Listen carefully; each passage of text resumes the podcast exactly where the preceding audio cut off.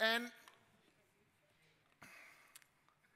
afgelopen zondag hebben we uh, erover gesproken van, je mag mijn PowerPoint, ja, ik heb heel lang over nagedacht wat mijn achtergrond zou moeten zijn.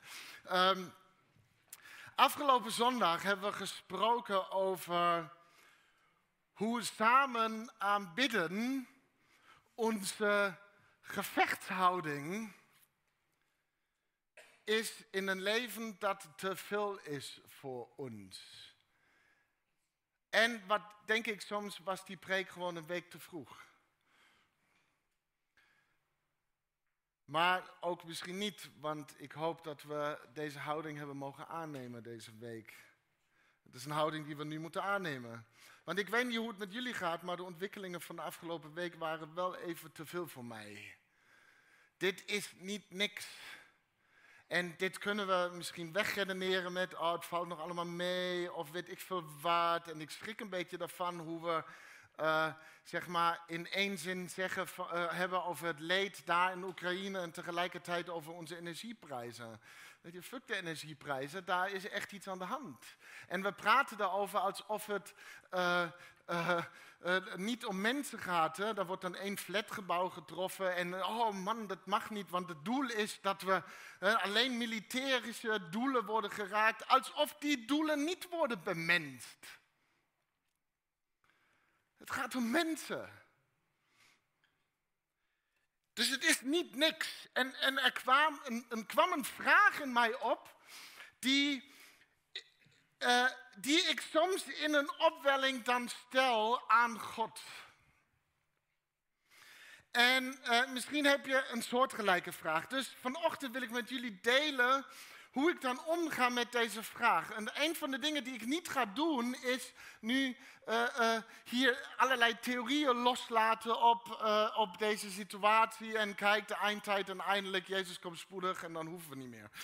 Nee, dat, ik, ga geen ik ga geen theologische uitleg geven over dat ons dit niet zou moeten verbazen. Ik ga je niet helpen om het te relativeren. Dus dat zeg ik vooraf, want misschien als je naar deze preek luistert, denk je, maar je hebt ons nu geholpen om het te... Nee, ik ga je niet helpen om het te relativeren. Het is even wat context. Maar er is dus deze vraag. En, en ik wil dus met jullie delen uh, hoe ik daarmee omga. En we vinden een soortgelijke vraag in de psalmen. All over de psalmen, maar we lezen één specifieke psalm. En dat is psalm 44. En we beginnen bij vers 2, want vers 1 is altijd de koorleider. Heeft een mooi liedje geschreven en hier zing maar. Dus vers 2. God, met eigen oren hebben wij het gehoord. Onze voorouders vertelden het ons door. De daden die u verrichtte in hun dagen, in de dagen van weleer. Om hen te planten hebt u volken verdreven, naties verslagen, om ruimte te geven aan hen. En zij verkregen het land niet met het zwaard, niet, met, niet hun eigen kracht heeft hen gered. Maar uw rechterhand, uw arm, het licht van uw gelaat, u had hen lief. U, God, bent mijn koning. U beveelt de redding van Jacob. Met u stoten wij onze belagers neer. In uw naam vertrappen wij onze tegenstanders. Het is niet mijn boog waarop ik vertrouw, niet mijn zwaard dat mij redt.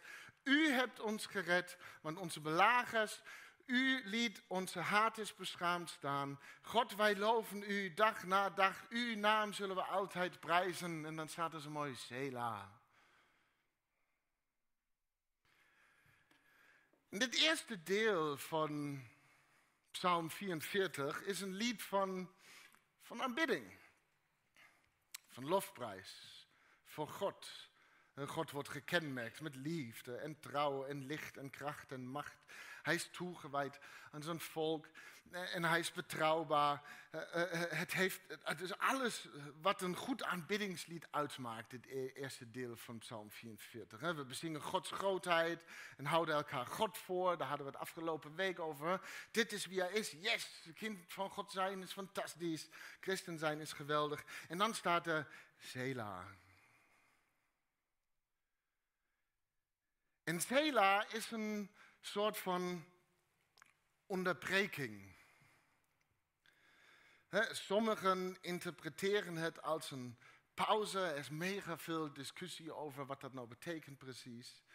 Maar het wordt gezien vaak als een pauze.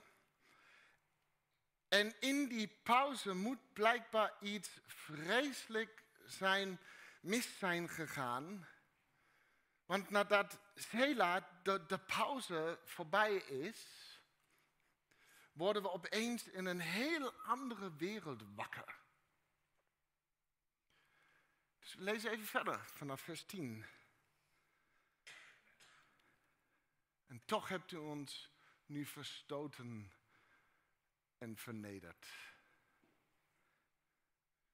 U trok niet ten strijde met onze legers. U deed ons wijken voor onze belagers, onze haters roofden ons leeg. U hebt ons als slachtvee uitgeleverd, ons onder vreemde volken verstrooid. U hebt uw volk van de hand gedaan, veel prachten verkoop u niet op. U hebt ons het mikpunt van spot gemaakt. Onze naburen smaden en honen ons. U hebt ons bij de volken belachelijk gemaakt. Ze schudden meewarig het hoofd. Heel de dag moet ik mijn schande dragen. Het schaamrood bedekt mijn gezicht. Als ik de vijand hoor spotten en zarren, hem vol wraakzucht zie staan. Dit is ons overkomen, maar wij zijn u niet vergeten. U verbond verlogend u niet. Ons hart, eh, wij niet. Ons hart keerde zich niet van u af. Onze voeten weken niet van uw pad. Toch hebt u ons naar de jakhalzen verbannen en ons met diepe duisternis bedekt. Hadden wij de naam van onze God vergeten, onze handen uitgestrekt naar een vreemde God, zou God dit niet hebben ontdekt? Hij kende de geheimen van ons hart. En toch werden wij dag na dag om u gedood en afgevoerd als schapen voor de slacht. Word wakker, Heer, waarom slaapt u? Ontwaak, verstoot ons niet voor eeuwig. Waarom verbergt u uw gelaat? Waarom vergeet u onze ellende, onze nood? Onze ziel ligt neergebogen in het stof, ons lichaam vastgekleefd aan de aarde. Sta op, kom ons te hulp, verlos ons omwille van uw trouw. Ken je van die pauzes?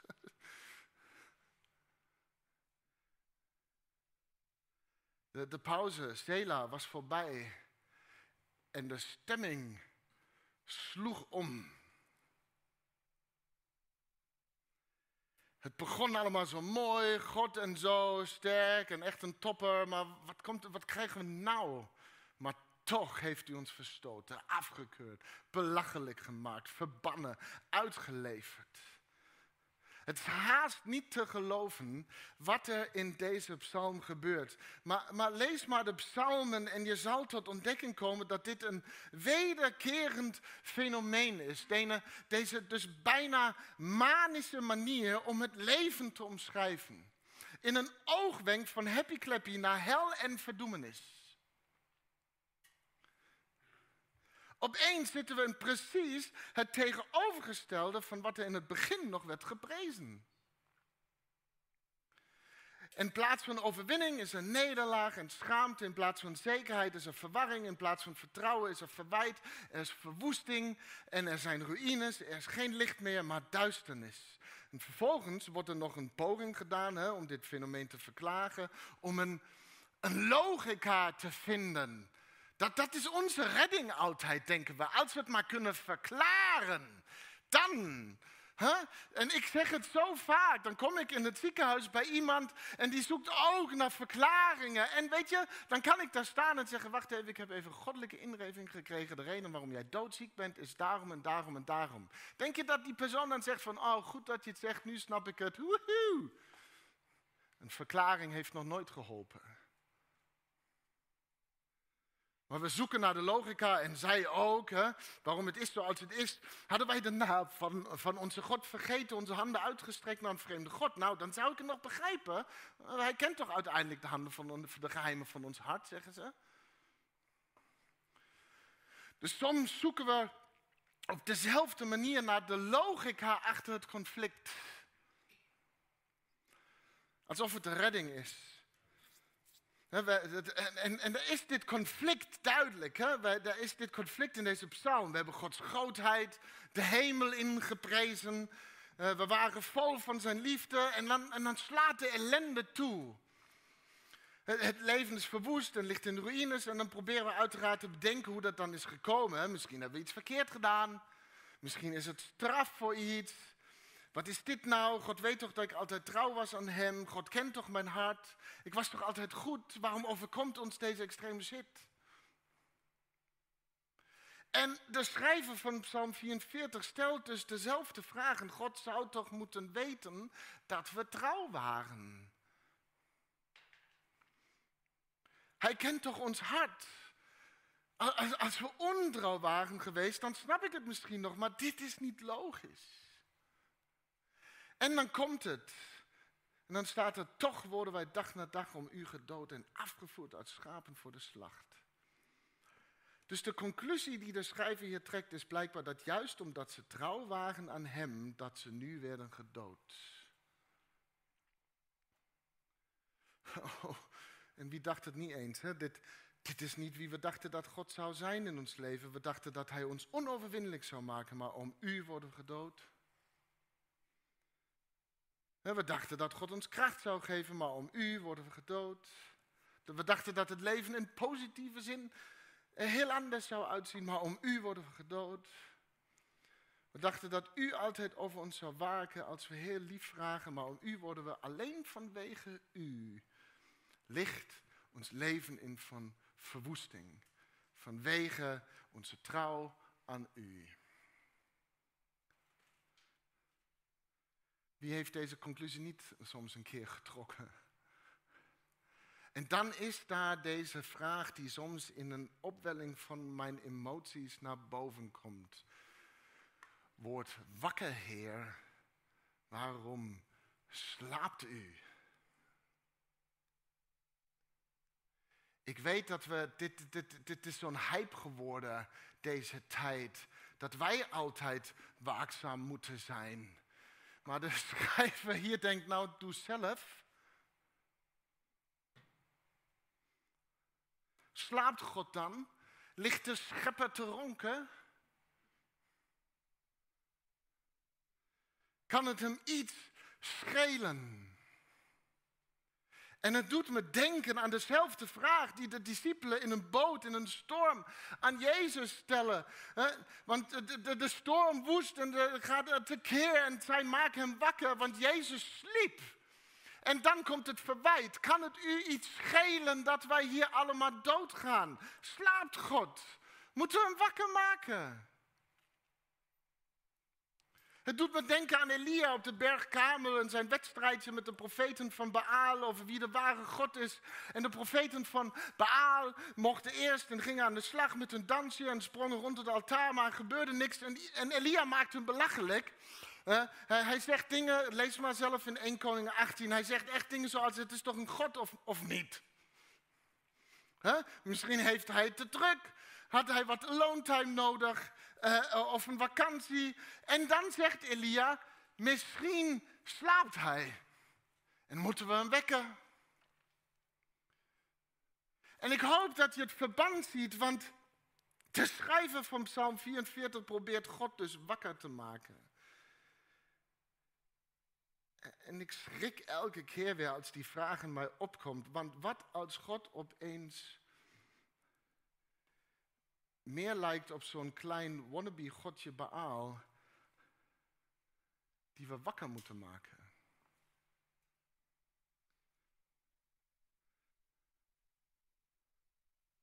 Als, als hij slaapt en wakker gemaakt moet worden, hoe is hij dan beter dan Baal?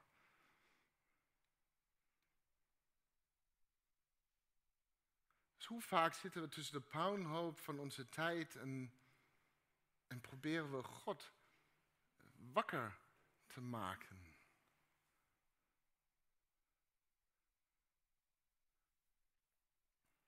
En daar zitten we dan en het enige logische wat we nog kunnen bedenken is dat God ons blijkbaar straft. Nou, ergens moet ik iets verkeerd hebben gedaan. En, en langzamerhand blijft er steeds minder over van je machtige God en blijkt hij maar te slapen met de rest van de godjes die, die niks deugen. Ken je dat?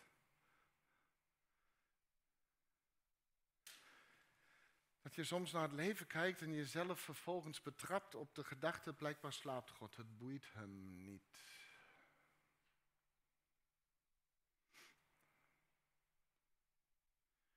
En En deze manische psalmen, zo noem ik het maar, en manisch eh, bedoel ik gewoon echt van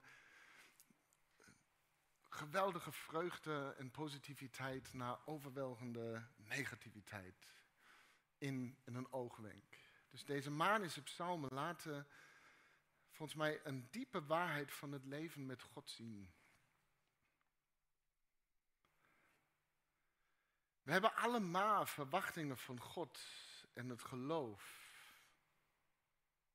En tegelijkertijd worden we dagelijks geconfronteerd met de rotzooi van het leven. Het, het, het zijn twee uitersten. Dus we kunnen hier allerlei dingen zeggen die theologisch echt kloppen. Maar de realiteit van het leven is vaak gewoon echt een andere.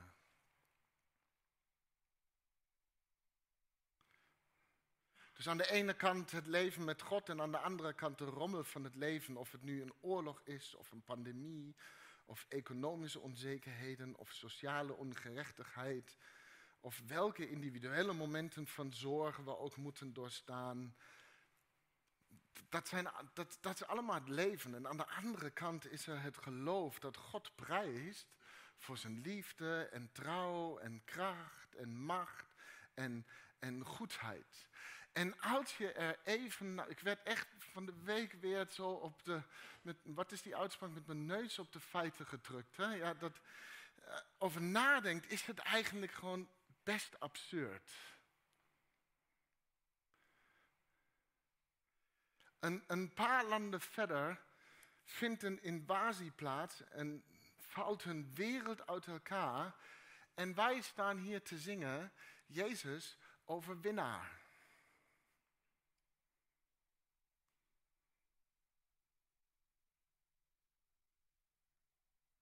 Dat is toch gek?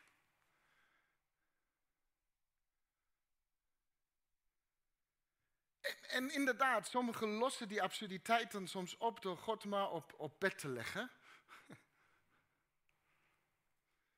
Dan, dan is er tenminste nog een verklaring van, hij slaapt, kijk nou. Wat schattig hè, die God van ons hè.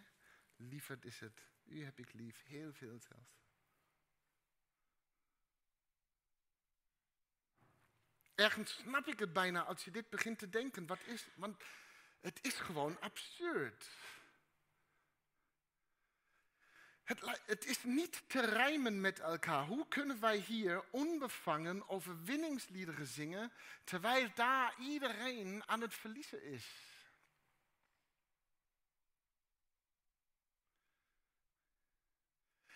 En ik heb mijn hoofd gemarteld met deze vraag. Hoe, hoe, hoe is het mogelijk? Ik heb echt geworsteld met opties of, of, of, of God nou niks voorstelt. Dat vind ik zo erg als die gedachte in mij opkomt. Of, of is het een, een schijnheiligheid aan onze kant of een gewoon kolossaal ontkennen? Is het onverschilligheid? Is het onwetendheid? Ik, ja, ik heb geworsteld. Of, of hebben wij gewoon mazzel? Weer. Zijn we dan beter? Zijn we meer gezegend? Hebben we minder slecht gedaan? Worden zij gestraft door God voor iets? Alle opties komen langs om de absurditeit te verklaren. En ik, ik weet, hier in, in Calvinistisch Nederland is ook altijd dan zo'n verklaring van dat wij dan ook het heel slecht moeten hebben, omdat er ergens anders ook mensen zijn die het heel slecht hebben. Dat is ook niet de oplossing. Dus en in mijn krampachtig, krampachtig verlangen dus naar logica kwam ik gewoon tot ontdekking. En dit is de meest teleurstellende preek die jij hebt gehoord. Kwam ik tot ontdekking dat goede antwoorden dat de meeste goede antwoorden en vaak juiste antwoorden op onze vragen meestal onbevredigend zijn. Dus als je een antwoord krijgt dat heel onbevredigend is, is de kans groot dat het waarschijnlijk het goede antwoord is.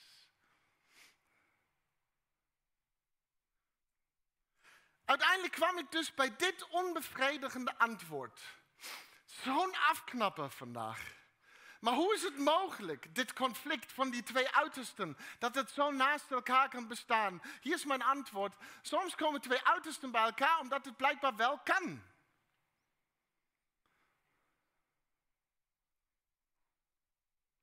We zien het allemaal gebeuren. Dat kan blijkbaar wel.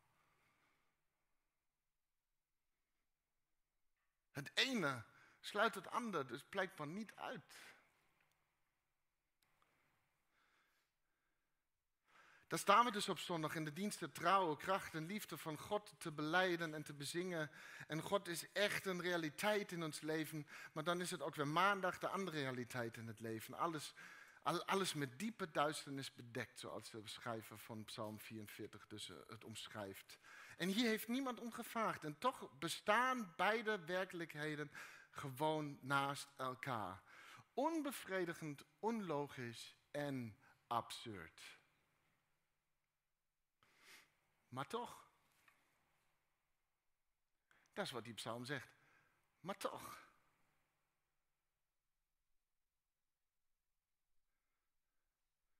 Dus de reden waarom we in vele psalmen en andere teksten geconfronteerd zijn met twee uitersten. Aan de ene kant het geloof in een trouwe, goede, liefdevolle en krachtige God.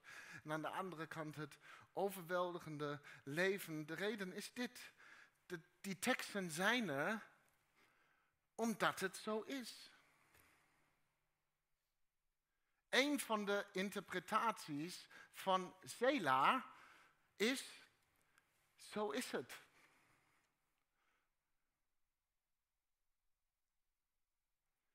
Dus dat we even stilstaan in het midden in die pauze en moeten realiseren wat er was, is net zoals dat wat er nu komt.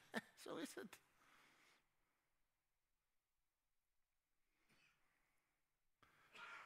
Deze teksten zijn er omdat het leven met God deze tegenstrijdigheden, dit conflict gewoon kent en niet ontkent. Het punt van deze psalm is juist een bewustmaken van het conflict tussen de erkenning van Gods grootheid en de omstandigheden van het leven.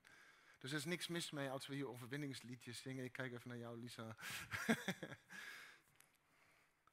maar deze teksten zijn er zodat we het herkennen.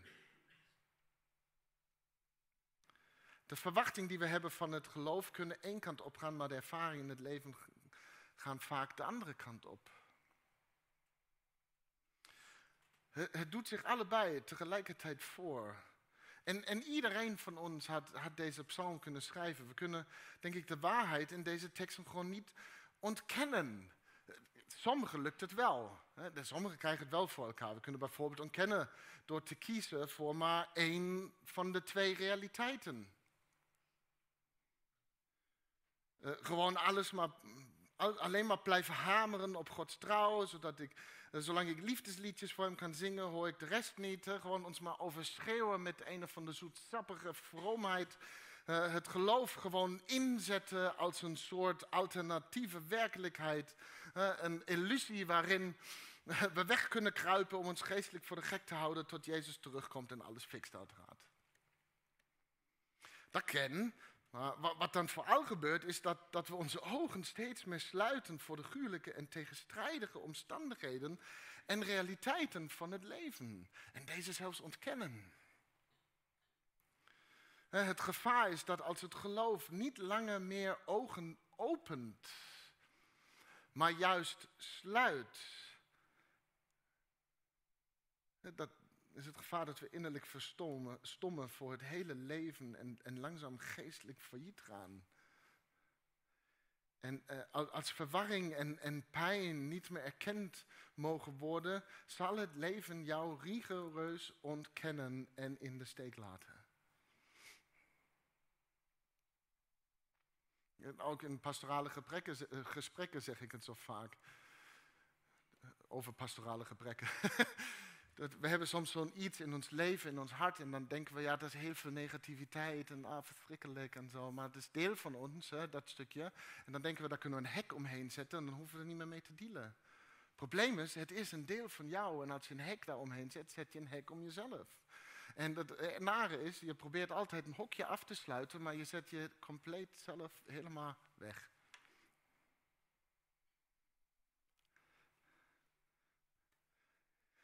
Het leven zal je ontkennen. Je kan ook naar de andere kant neigen trouwens. Alles gaat naar de knoppen. U hebt ons vernederd, u hebt ons verlaten. Verwijten hier en schuld verdelen daar. Je kan helemaal verzanden hè, in, in zelfmeelijden en vervolgens meegaan in de rotzooi van het leven. Het is geen leuke optie, maar weet je, we moeten in ieder geval niet uh, meer dealen met dit contrast dat deze manische psalmen en realiteiten omschrijft en bestaan. We moeten niet meer dealen met het conflict der uitersten. Uh, dus aan de ene kant is Gods grootheid en aan de andere kant de rotzooi van het leven. En ertussen is Zela.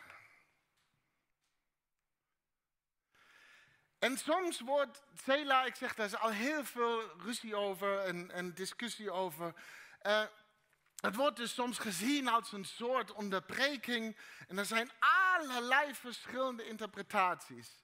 Maar ik, ik, ik, ik, ik keek zo'n beetje en ik dacht van, ik zie in al die verschillende uh, interpretaties wel één overeenkomst. Allemaal zijn ze het ermee eens dat Zela dus op een of andere manier iets ertussen is. een intermissie als het ware. Een tussentijd.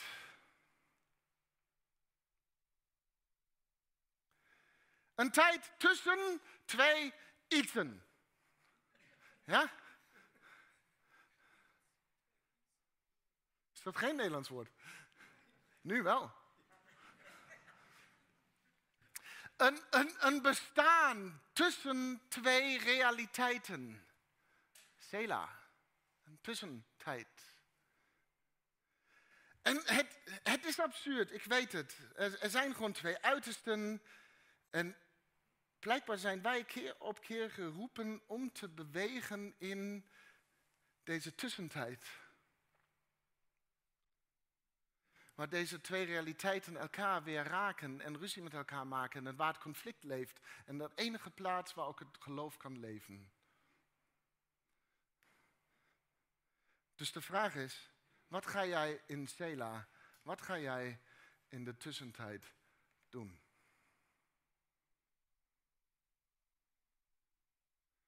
We zijn geconfronteerd met deze twee uitersten. Maar wat ga jij in de tussentijd doen?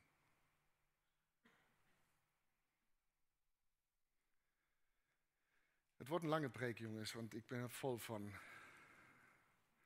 Weet je, als we deze psalmen aanvaarden en de waarheid die daarin wordt beschreven, als we dus dit conflict der uitersten aanvaarden, wordt de volledige omvang van het mysterie duidelijk in onze zoektocht naar oplossingen. En het is een heel onbevredigend antwoord. Er bestaat gewoon dit conflict en in geen enkele psalm worden wij voorzien van een oplossing.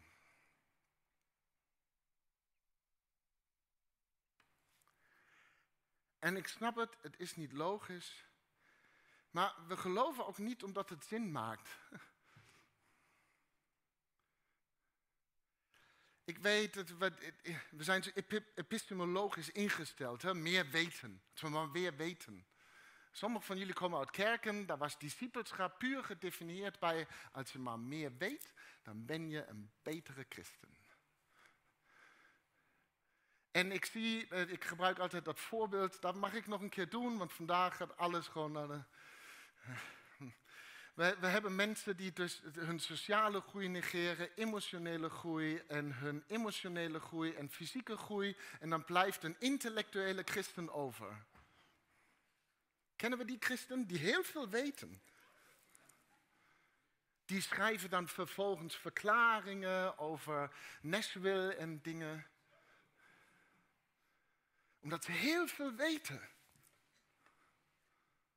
Mr. Bean.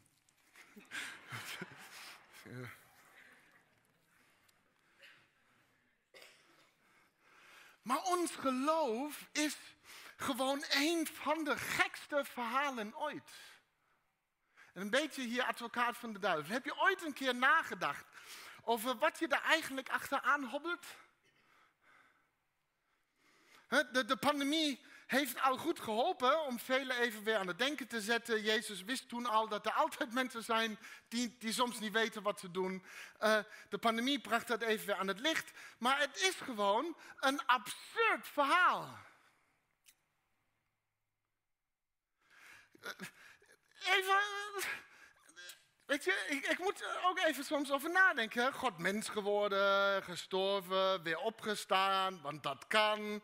Maakt totaal veel zin. Eh, eh, oud boek erbij gepakt om het nog logischer te laten klinken. Hier en daar een mooie wetenschappelijke theorie van Velden tegen aangeslingerd, zodat het ook logisch lijkt voor degene die wat twijfelen, ehm, eh, die wat bewijs nodig hebben. Maar in de kern blijft het gewoon een absurd verhaal. Ik snap dan ook dat je wegvalt in de doemscenario's, want de andere kant is echt absurd. Dan maar liever God op bed leggen. Denk, denk, even, ik, ik, ga door, want dit, dit is even een beetje uitdagen. Denk er even over na. Denk er even heel goed over na. We geloven in het bestaan van niet-menselijke wezens in een andere dimensie van de werkelijkheid, die we wel kunnen ervaren in onze ruimte en tijd. En we noemen ze bijvoorbeeld engelen, demonen, hemelse creaturen, Satan. En, en we gaan ervan uit dat ze actief bezig zijn, ook zijn we ons er niet bewust van.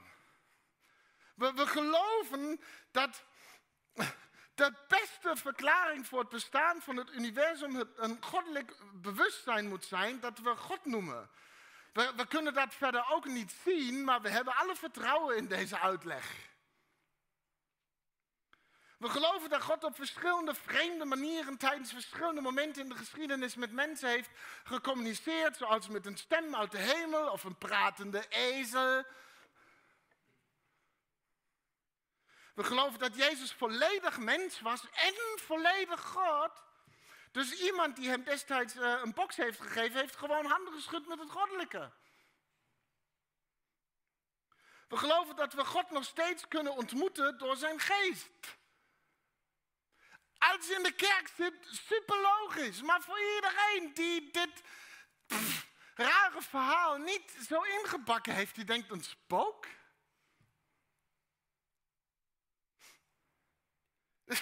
We, geloven dat toen Jezus werd gekruisigd, dat het echt niet alleen een lichamelijke dood was, maar dat hij een of andere geestelijke openstaande rekening ging vereffenen met een, een corrupte wereld.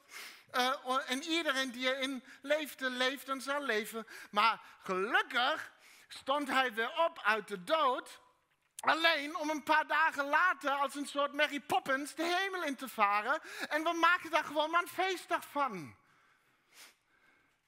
Nee, Jezus is echt opgestaan uit de dood. Oh ja, waar is die dan? Ja, die is al weg. Jammer, mm, kunnen we niet laten zien. Dat geloven wij gewoon. Over details wordt niet veel gezegd. Maar ja, boeien. En soms moet ik me hier echt even zelf aan herinneren. Het is een absoluut absurd verhaal wat ik daar geloof. En, en vaak krijgen we het ook verweten. Dat mensen zeggen, nou die God van jou, die spoort niet. Dat hele geloof van jou, koekoek. Maar kijk maar even naar Oekraïne. Kijk dan hier en kijk maar daar. Jij spoort niet als je die God gelooft. En die liedjes die je daar zingt. En dan worden we met onze neuzen even weer op de feiten gedrukt van de rotzooi van het leven. Want zo is het leven. En dat is drama op dit moment. Het is ellende. Het is onvoorspelbaar, het is nood en machteloosheid. En het verhaal van jouw God is gewoon niet geloofwaardig. Maar ik lees ook deze psalmen en ze brengen mij tot de essentie van mijn geloofsleven. Want de essentie van het leven met, met geloof is niet een, in één uiterste. Het is niet in één uiterste verdwalen, maar om juist in de tussentijd te staan en samen met onder andere de kerkvader Tertullianus. Hij wist het destijds al hoe gek dit verhaal is en wat dat conflict is. Maar hier is wat hij zei: Credo quia absurdum. Ik geloof omdat het absurd is.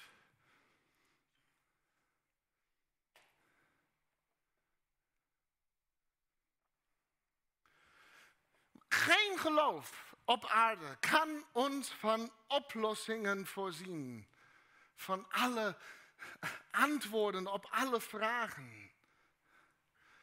Maar het is dit absurde geloof. En ik zeg het zo vaak en ik wil dat je het nog een keer hoort vandaag. Het is dit absurde geloof dat mij de kracht geeft om al die onbeantwoorde vragen in mijn leven te leven met hoop. Ik geloof niet vanwege het gebrek aan antwoorden. Maar ik geloof vanwege de kracht die ik krijg om al die vragen, die absurde vragen, te leven met hoop. En dit moet een kantelpunt zijn voor degenen die hier nog steeds komen en zitten en denken van, ik word hier van oplossingen voorzien. Je wordt hier van een manier van leven voorzien.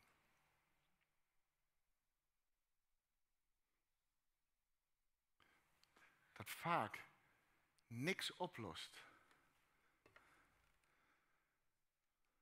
Maar om u worden we dag na dag afgevoerd en geslacht als schapen.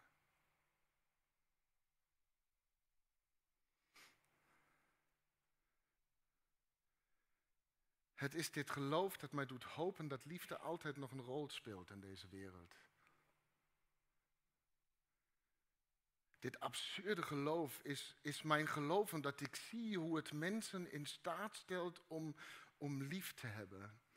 En het is juist daar in de tussentijd waar we dat doen en zijn en zien. Alleen daar leeft geloof, liefde en het leven. Daar waar twee realiteiten clashen en anderen hun adem vasthouden, daar hebben wij lief. Ik kan me dus verstoppen in een geestelijke alles is geweldige illusie. Ik kan ook verzanden in de alles gaat dood doemscenario. En in geen van de twee uitersten wordt de wereld beter. Aan de ene kant gaat het namelijk vooral om mij en hoe geliefd ik ben. Aan de andere kant gaat het vooral om mij en, en hoe haat, gehaat ik ben. En daar in de tussentijd gaat het om de ander en hoeveel ik van hem of haar hou.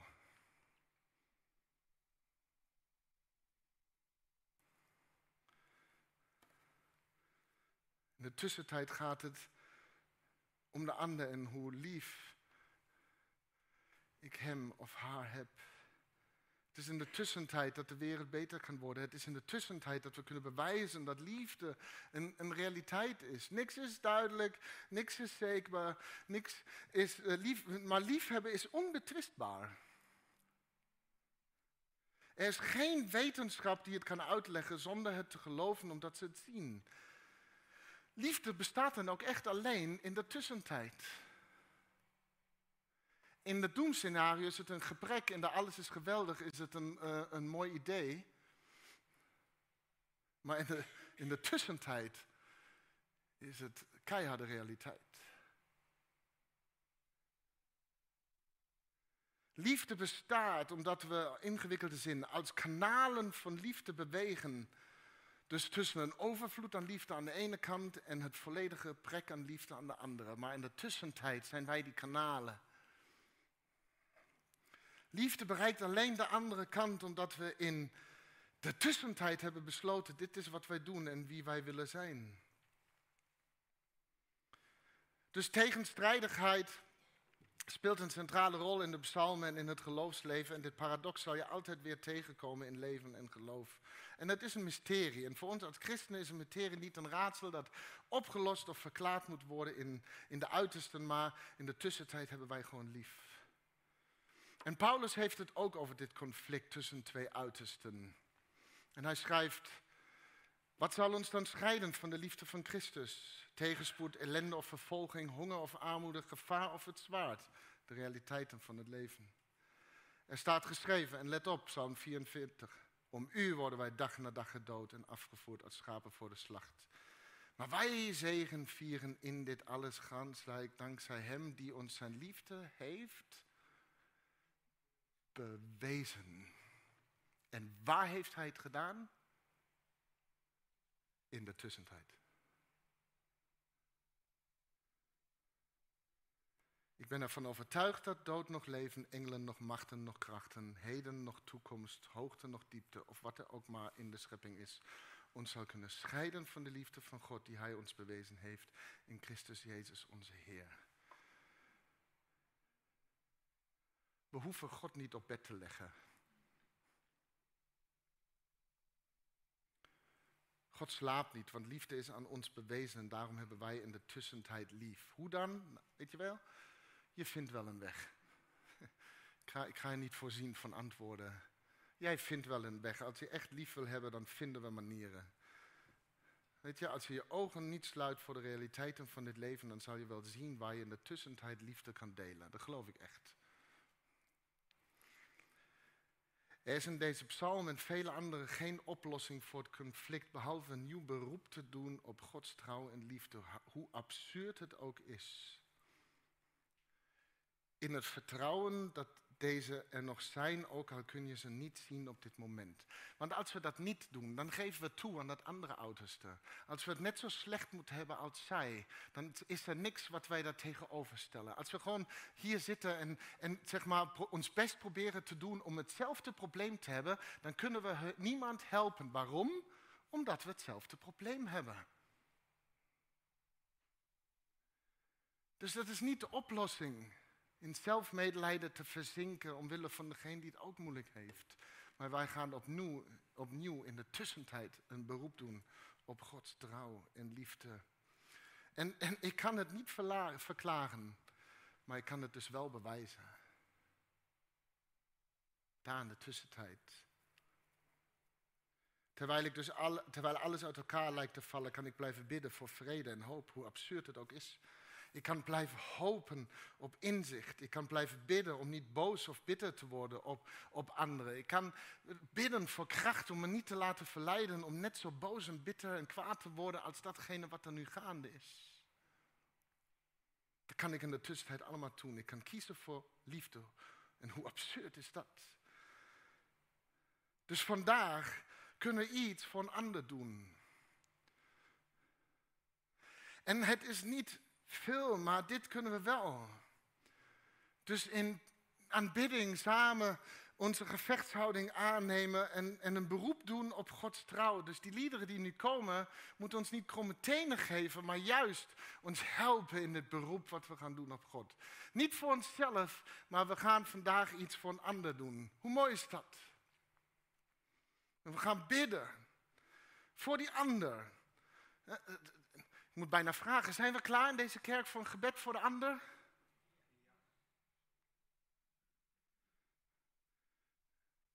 Een gebed dat verbinding legt tussen de realiteiten van dit leven en van God. Want dat is wie wij in de tussentijd zijn en wat wij doen. En let op, wereld. Iemand, een toenmalige eh, zendeling uit Rusland, geeft niet let op Rusland, maar let op Poetin, want Gods kinderen gaan bidden. En, en muziekteam, jullie mogen al komen, want ik moet een keer stoppen, maar ik wil dit nog, want het is nu al toch te laat, wat maakt het uit. Ik wil iets met jullie delen, even kijken of ik dat kan vinden. Ik heb dat gisteravond gelezen op Facebook. Een van onze predikanten op, op Facebook schrijft het volgende. Het staat in het Engels, ik probeer het even ter plekke te vertalen.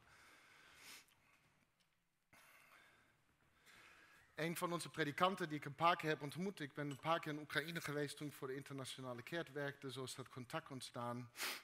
En hij schrijft dat ze net terug zijn, dat was gisteravond, van een geïmproviseerde opvang waar ze de nacht hebben doorgebracht. Uh, uh, heftige vechten hebben plaatsgevonden in, uh, in het, het, centrum van de stad, niet ver vandaan van, van waar hun kerk is. En dat is belangrijk omdat ze in hun kerk allerlei mensen opvangen. Uh, er waren uh, luchtaanvallen en het landen van, uh, hoe, hoe, noem je ze met een parachute? nee, niet, jawel toch? paratroopers. een hoop strijden wat er plaatsvond in Kiev en de, de gebieden daaromheen. Um, een hoop verwoesting en dingen die, ja, verwoesting. ze horen nog steeds de hele nacht door explosies overal en niet heel ver van waar ze daar zijn. Um, en we hebben een, een, mijn zwangere schoonzus, een, een zwager met ons. en, en zij moet bevallen binnenkort en ze is in paniek. En ze hebben haar geprobeerd weg te sturen naar een andere plaats buiten Kiev. Maar die brug waar ze overheen moesten, die was opgeblazen. Ze moesten een heel andere weg nemen. Ze, dus eerst moesten de andere kant op, zodat ze dan überhaupt weer daar kunnen komen waar ze heen moeten. En ze hopen dat ze die, over die, die, die, die, die rivier kunnen komen. Ehm, zijn bankkaart werkt nergens meer. Overal wordt nog alleen maar contant geaccepteerd. Uh, en, en, hij heeft nog maar 60 dollar op zak en heeft geen idee waar het nu heen gaat vanaf hier. Sommige mensen zijn bereid om geld te zenden naar hem, maar daar heeft hij ook niks aan, want dat werkt ook niet meer. Um, gisteren hebben ze nog geprobeerd een, een, een oud uh, stel, wat ouderen, te, te, evacueren van, vanuit Kiev naar een, een, een, dorp in de buurt. en hij was van plan om ook nog een andere groep weg te brengen die dag. Maar het lukte niet vanwege bepaalde dingen. Uh, bladibladibla. Ze, ze, zijn nu weer terug bij de kerk om daar een heleboel families te ondersteunen vanuit Kiev. zij kunnen niet Oekraïne verlaten weer vanwege bepaalde restricties. een heleboel mensen kunnen ook niet weg omdat ze gewoon niet de middelen hebben. En dan schrijft hij, ik moet nu weg. Om voor andere families te zorgen. Mensen zijn bang. En dan zegt hij, please, uh, wat zegt hij? Um, ja, dus spreek jouw leiders aan om iets te doen voor Oekraïne. En, en, en hij schrijft, ons, ons leger houdt stand, is sterk en, en probeert het, hun best te doen. En dan deze laatste zin, die raakte mij zo. Hij schrijft, lots of love from Ukraine. Die mafkees, wij, wij, wij zouden hem liefde moeten sturen. En hij zit daar en zegt, jongens, in de tussentijd hebben wij gewoon lief. En wij kunnen echt niet veel doen. En ik weet, daar is deze situatie gaande. En jij zit te popelen misschien, maar ik heb ook mijn eigen zitten klopt. En voor alles, voor alles gaan wij een beroep doen in de tussentijd op Gods trouw.